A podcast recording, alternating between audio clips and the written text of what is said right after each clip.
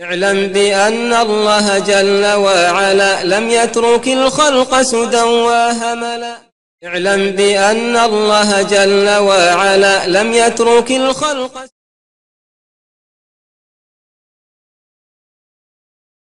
الحمد لله الصلاة والسلام على رسول الله استعين بالله لا حول ولا قوة إلا بالله. اللهم لا سهل إلا ما جعلته سهلا وأنت تجعل الحزن إذا شئت سهلا. اللهم أرنا الحق حقا وارزقنا اتباعه وأرنا الباطل باطلا وارزقنا اجتنابه ولا تجعل الحق ملتبسا علينا فنضل. اللهم آت نفوسنا تقواها وزكها أنت خير من زكاها أنت وليها ومولاها برحمتك يا أرحم الراحمين. ربنا لا تزغ قلوبنا بعد إذ هديتنا وهب لنا من لدنك رحمة إنك أنت الوهاب. اللهم اجعلنا هداة المهتدين غير ضالين ولا مضلين. يا أرحم الراحمين. لا إله إلا الله ولا حول ولا قوة إلا بالله. اللهم يسر ولا تعسر. اللهم بارك وتمن بالخير. أما بعد Sva hvala, zahvala, pohvala pripadaju samo Allahu, svemogućim, uzvišenom, veličanstvenom gospodaru svega stvorenoga. Salavat i salam na Muhammeda sallallahu alaihi wa sallama, poslanika Allahova. A zatim, nakon što je šeh u prošlom predavanju počeo sa temama koje u potpunosti iz osnova ruše ono za što se drže ljudi koji se islamu pripisuju a širk, a Allahu druga pridružuju. I tamo je bila osnova, osnovna stvar u prethodnom predavanju dokazivanje rububijetom za obaveznost uluhijeta ili drugim riječima sama činjenica da je Allah subhanahu wa ta'ala tvoj i moj gospodar mene, tebe i sva Allahova stvorenja obavezuje da samo njega obožavamo i s obzirom da je tevhid vjerovanje u Allahu subhanahu wa ta'ala jednoću ili ispoljavanje Allahu subhanahu wa ta'ala jednoće stvar zbog koje smo stvoreni i da se sastoji iz tri dijela a to su smatranje da je samo Allah savršen, smatranje da je samo, vjerovanje da je samo Allah gospodar i vjerovanje da samo Allah svaki oblik i zaslužuje, a zatim djelovanje po tom vjerovanju. Dakle, šef u ovom poglavlju spominje i cilj mu je da dokaže da Allahova subhanahu wa ta'ala savršenost i bilo koja njegova osobina nužno ukazuju na to da se samo on subhanahu wa ta'ala jedino smije obožavati i da mu se samo njemu bilo koji oblik ibadeta mora i smije ispoljavati. Pa, s obzirom da je tamo spomenuo i da je najviše govora bilo u prethodnom predavanju i poglavlju o tome da Muhammed sallallahu aleyhi ve selleme kao najbolji Allahov rob, njemu najdraže stvorenje, pečat svih vjerovjesnika, nije mogao da otkloni štetu od sebe, niti da odbrani svoje ashabe, niti je mogao nanijeti štetu drugima kada je dobio protiv njih. Nego mu je Allah subhanahu wa ta'ala objavio riječi povodom toga lej se neke minan emri šej u bitci na Uhudu, ne imaš ti ništa s tim, sa upravljanjem, sa gospodarstvom, sa tim koga će Allah uputiti, koga će Allah u zabludu odvesti, i tako dalje. Dođu ljudi i ponovno se kače i hvataju za to kad se nekome sem Allahu subhanahu wa ta'ala obraćaju, kažu to su Allahu bliska stvorenja. Oni kod Allaha imaju ugled. Nije to nešto sitno. To je bitno. Vi omalovažavate one koji su skoro pa bezgriješni a neki od njih idu dotle da direktno obožavaju same meleke. I Allah subhanahu wa ta'ala u Kur'anu kaže وَلَا يَأْمُرَكُمْ أَنْ تَتَّخِذُوا الْمَنَائِكَةَ وَالنَّبِيِّينَ أَرْبَابًا Allah vam nije naredio da uzmate meleke i vjerovjesnike za gospodare. Allah ne priča uprazna, nego odgovara onima koji su uzeli meleke ili vjerovjesnike za gospodare, koji se obraćali ibadetom melecima ili vjerovjesnicima. Ovdje šeh dolazi sa nekoliko dokaza, odnosno sa jednim ajetom i dva hadisa koja ga pojašnjavaju, a koja govore o suštinskom stanju meleka. Ko su to meleci i kakvi su meleci, kakav odnos meleci imaju sa Allahom subhanahu wa ta'ala i kako se one obhode sa njegovim osobinama, a s druge strane tu se direktno i indirektno vidi, shata, razumije savršenstvo gospodara svih svjetova, njegova moć i sve moć i moć njegovih osobina, kojom Allah subhanahu wa ta'ala održava, upravlja, usmjerava i počinjuje sve svoje stvorenje. Pa kaže, باب قول الله تعالى حتى إذا فزع عن قلوبهم قالوا ماذا قال ربكم قالوا الحق وهو العلي الكبير poglavlje o riječima Allaha subhanahu wa ta'ala, koja dolaze nakon ajeta kojeg ćemo vjerovatno tek u sljedećem poglavlju spomenuti detaljno, u kojima Allah subhanahu wa ta'ala, u kojima Allah subhanahu wa ta'ala negira da oni koji, koji se obožavaju sem njega ne posjeduju ništa, nemaju ni procentualno učešće ni u čemu, ne pomažu Allahu ni čemu, ne mogu čak ni šefaat da čine kad hoće, nakon toga Allah dolazi s ovim ajetom i kaže حتى إذا فزع عن قلوبهم قالوا ماذا قال ربكم قالوا الحق وهو العلي الكبير se فقد سأكون استراح سنه به sa srca melika برش kao što je došlo u hadisma koji pojašnjava ovaj ajet. Reći će, šta je rekao naš gospodar? Pa će reći, tako što je ajet, a hadis je detaljnije to pojašnjeno. Rekao je istinu, a on je svevišnji i najveći. On je najuzvišeniji i najveći. Meleki, i to ne bilo koji nego oni na nebesima, koji su bliski Allahu subhanahu wa ta'ala,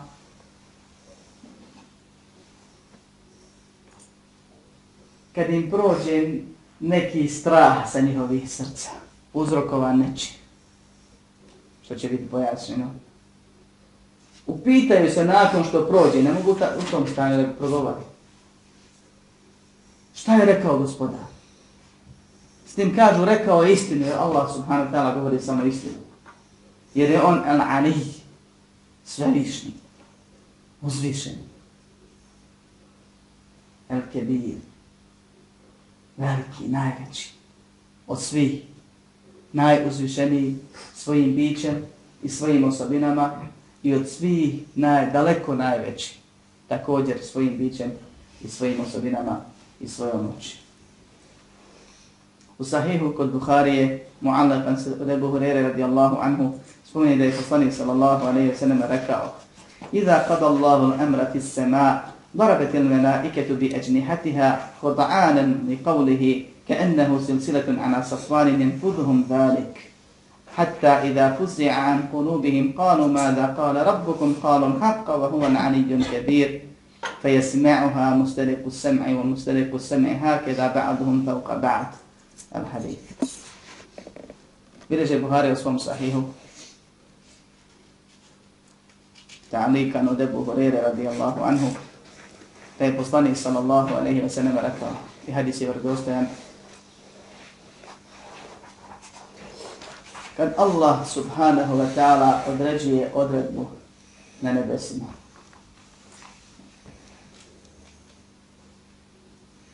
a u drugom hadisu kad Allah subhanahu wa ta'ala progovori odredbu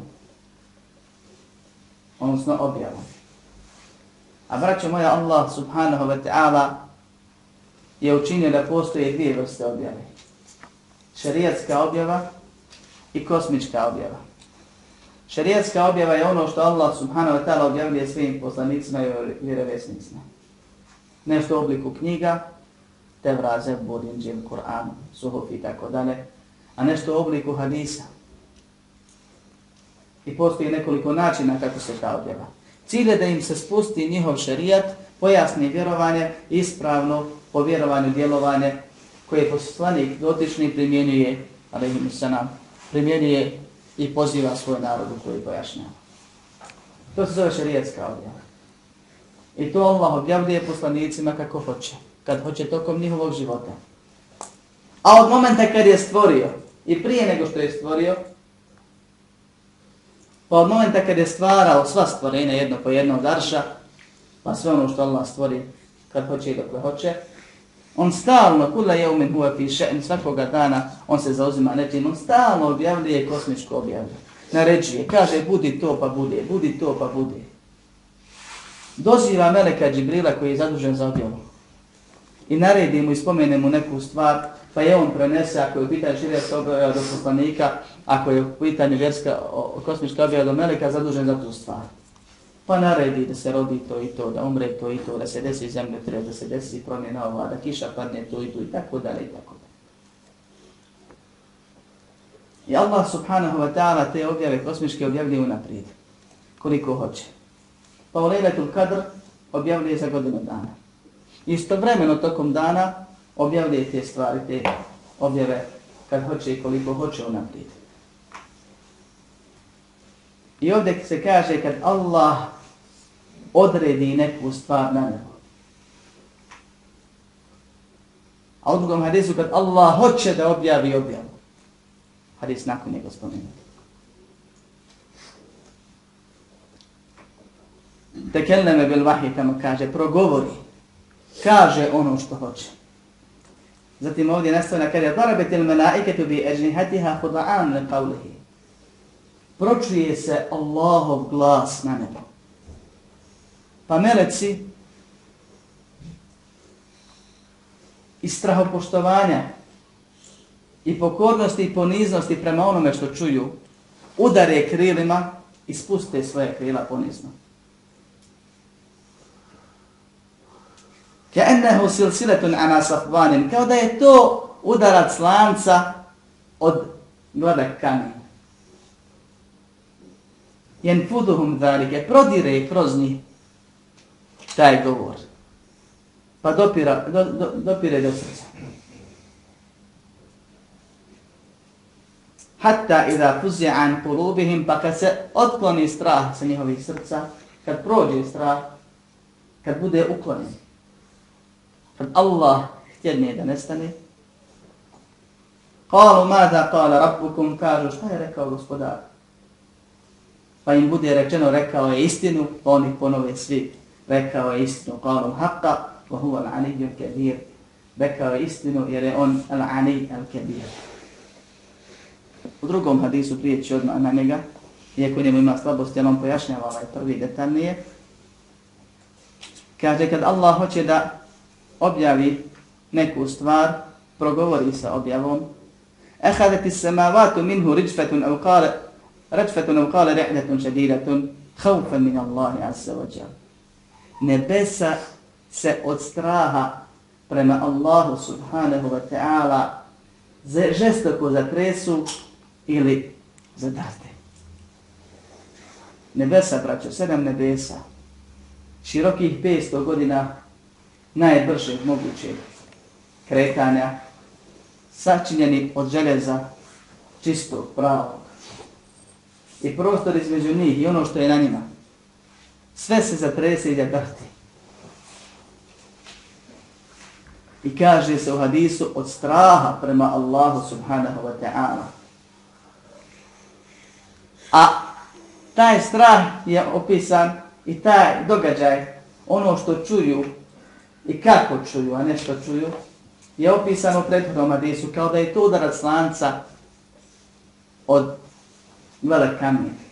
Dakle, nije to poređenje Allahovu, zvuka Allahovog govora sa glatkim kamenom, nego trznu se i uplaši, iznenadi, kao što čovjeka uplaši udarac lanca od velik kamen. Pot, kažu učenjaci, stvori određeni neugodan zvuk, pa se čovjek trzne i zaplaši, iznenadi i skrene pažnje na to. Samo što je ovo puno i više, jer je tamo Hristo došlo prodire kroz njih pa do srca dođe, pa srce obuzme strah.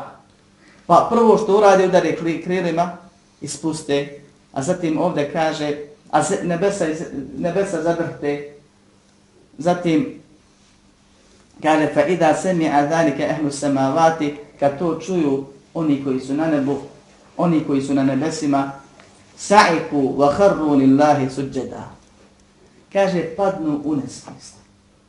Sa'ak se može razumjeti kao smrt, ili potpuni gubitak svijesti, ili ošamućenost. Pa se nama razilazi šta je ovdje ciljano. Da li pomru, ili padnu kao da su mrtvi.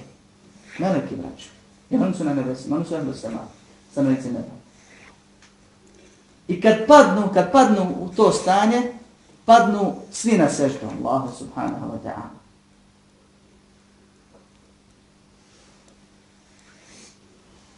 فيكون أول من يرفع رأسه جبريل فيكلمه الله من وحيه بما أراد pa bude prvi koji podigne svoju glavu Džibril, jer on je zadužen za primanje objave.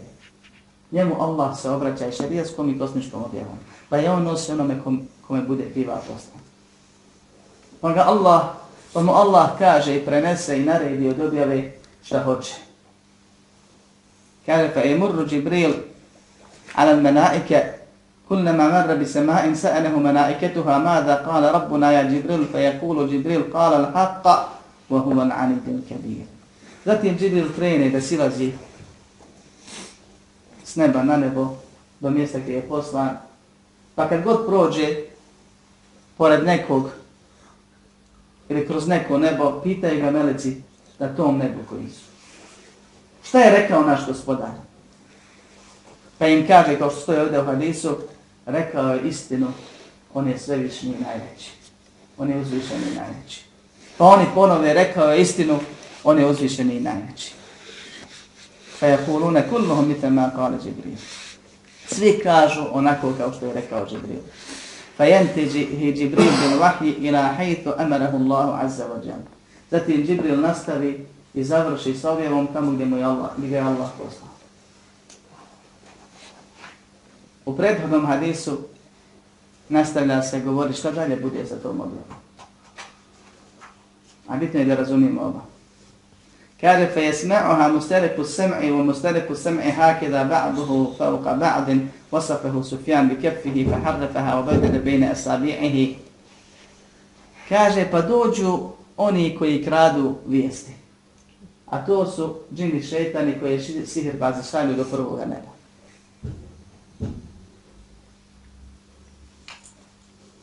Pa kaže, čuje je, zatim prenosi jedan drugome, pa Sufjan prenosi da sam Lisas kaže, pokazuje rukom, okrenuo ruku, raširio prste, da se penju jedan na drugog. I zatim čuje prvi, pa prenosi drugome i spušta dalje vijest brzo. Fa jesme al kenimete fe yulqiha ila men tahtehu, čuje riječ pa je spusti onome ispod njega. Zatim je ona ispod njega spusti onome ispod njega. Hatta yulqiha ala lisani sahire ul kahin dok je ne pusti ili ne spusti donese sihirbazu ili proroku. فربما أدركه الشهاب قبل أن يلقيها وربما ألقاها قبل أن يدركه. Kaže nekad, a braćo, ovo nije takmiče, nije takmiče. Jer se sa Allahom ne može takmičiti. Nekad kaže, ga pogodi zvijezda padalica prije nego prenese riječ drugome, a nekad je uspije prenijet prije nego ga pogodi. Jer Allah kad hoće da se vijest ne proširi, pošalje padalicu, pa ubije onoga koji je čuje, prije nego je prenese. A kad hoće da se vijest proširi iz mudrosti koju on poznaje, na djelimično imi možemo doputiti, onda pošare padalicu, pa pogodi onog prvog i ubije ga nakon što prenese drugom.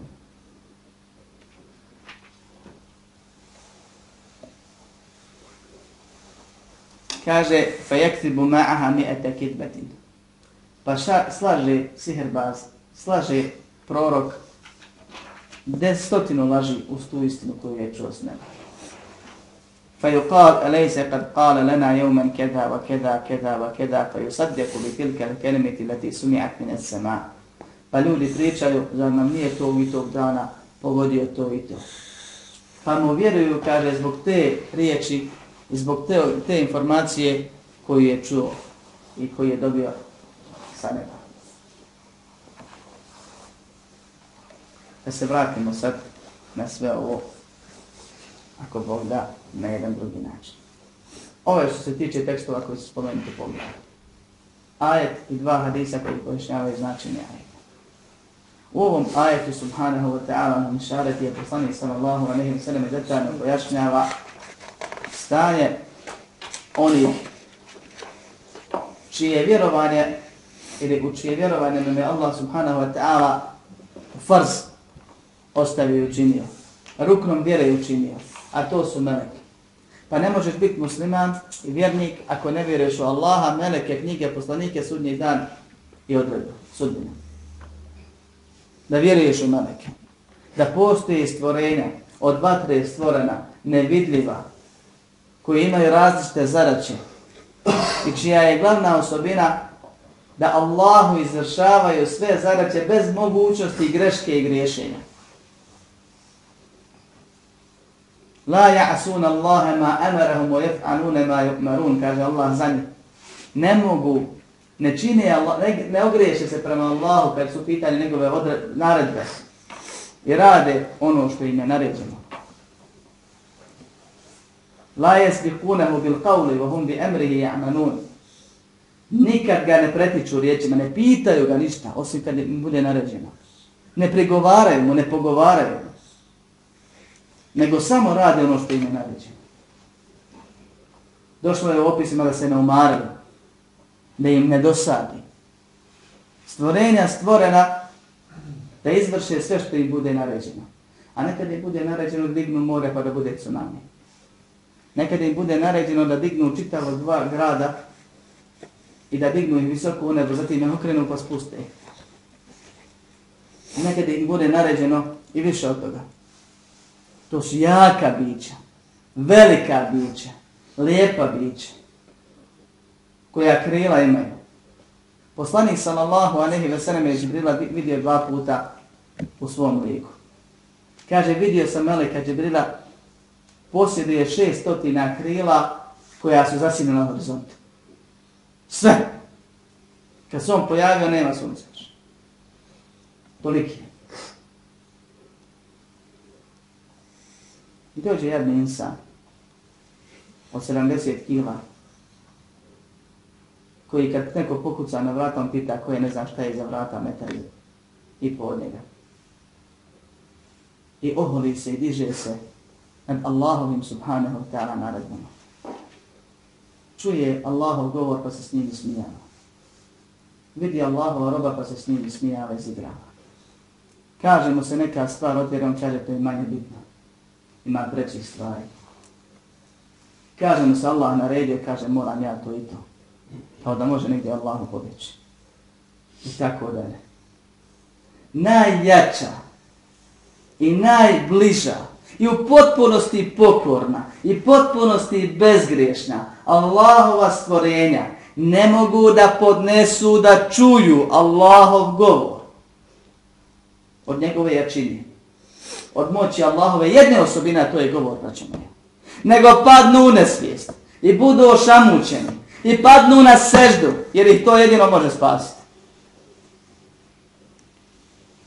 I pokore se i ponize se. I digne glavu samo onaj ko smije, kome je naređeno. Ne svi. A to je Džibril. I uplaše se.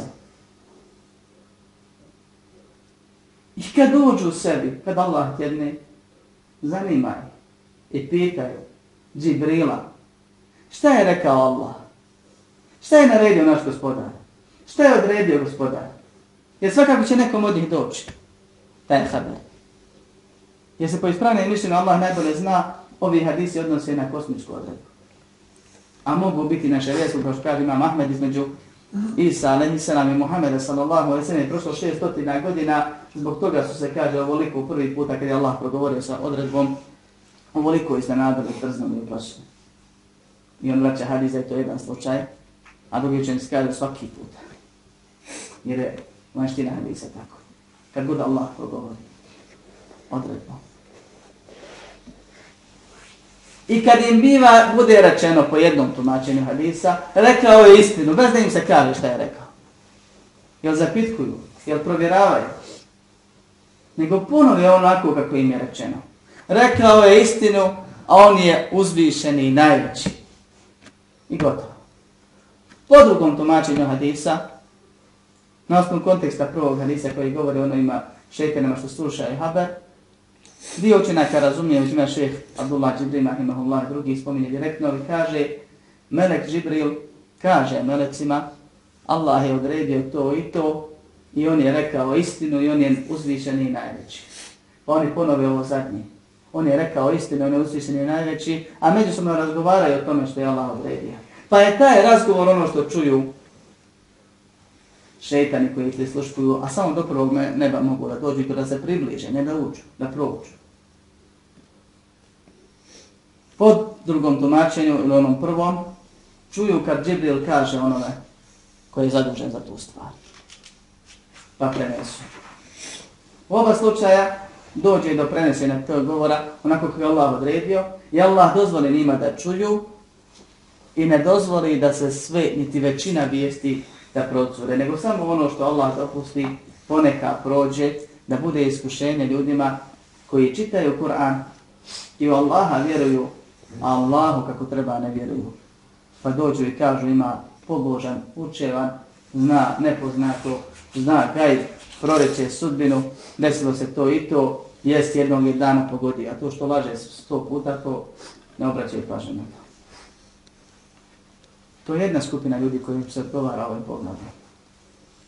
A druga skupina ljudi koja je direktno ciljena ovim poglavljem su oni koji kažu sve je to lijepo, mi smo grešnici, mi smo slabi u ibadetu, mi puno imamo propusta u svom životu, a Muhammed alaihi salatu veselam je Allahov rob, poslanik, najbolje stvorenje, šehovi, učinjaci, vlije su bili dobri, oni imaju ugled kod Allaha, pa ćemo mi njima da se obraćamo i njima da ibadeti, pa kad oni Allaha zamole za nas, Allah će primiti njihovu molbu, pa će oni nas, pa će Allah nas zbog njih i njihovog ugleda u džennet uvesti.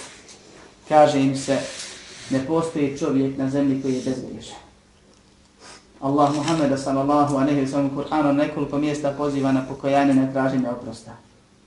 Zato što je Allah dao i poslanicima da mogu učiniti male grehe koje nisu ponavljali da ne mogu učiniti velike igre, ne mogu učiniti širka i ne mogu pogrešiti prenešenje objave.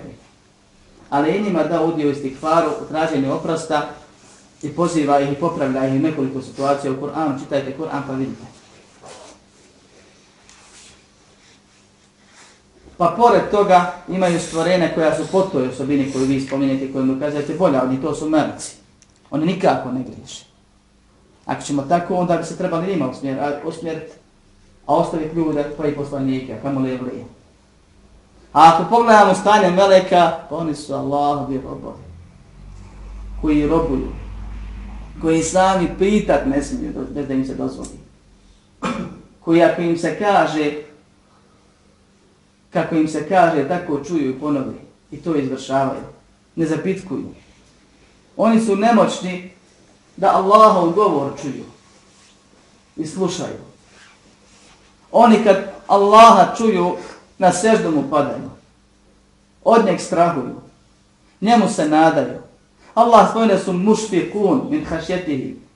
Da su stalno zabrinuti od straha prema Allahu.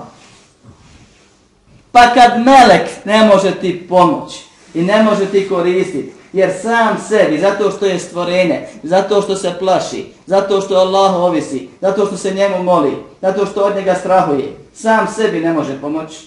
Ako mi Allah ne pomogne, kako će tebi pomoći? A ako ti ne može melek pomoći, niko ti od ljudi ne može pomoći. A ako je poslanik Muhammed sam 23 godine života proveo odvraćajući od toga da se nekome sem Allahu ibada čini, da se nekome sem Allahu dova čini, otkud ti pravo da se Muhammedu sam vas nekome vli, pobožnjaku, koji je također proveo život u tome, inače ne bi bio vlija, da se njemu dovom obraćaš da od njega tražiš i moliš. Onda nije bio svjestan da je stvorenje, o Allahu ovisno, da nije od njega strahovao, njemu se nadao, ne bi pokoran bio. I umjesto da se ugledaš na njega pa da i ti budeš ko on, da se trudiš, ti se njemu pored Allaha moliš.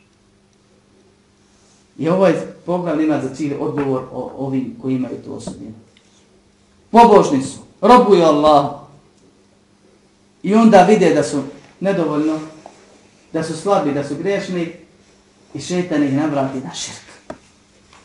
Da se svojim šehovima u kaborima moli. Ili živi, ili Muhammedu a.s. ili melecima. Pa Allah objavlje i kaže, nije vam Allah naredio da se melecima i poslanicima i vjerovesnicima molite. E, murukum bil kufri, da, zar da vam kufr naredi, kaže Allah. Kur'an. S jedne strane, ovo je direktno ono što je šeh ciljao poglavnik.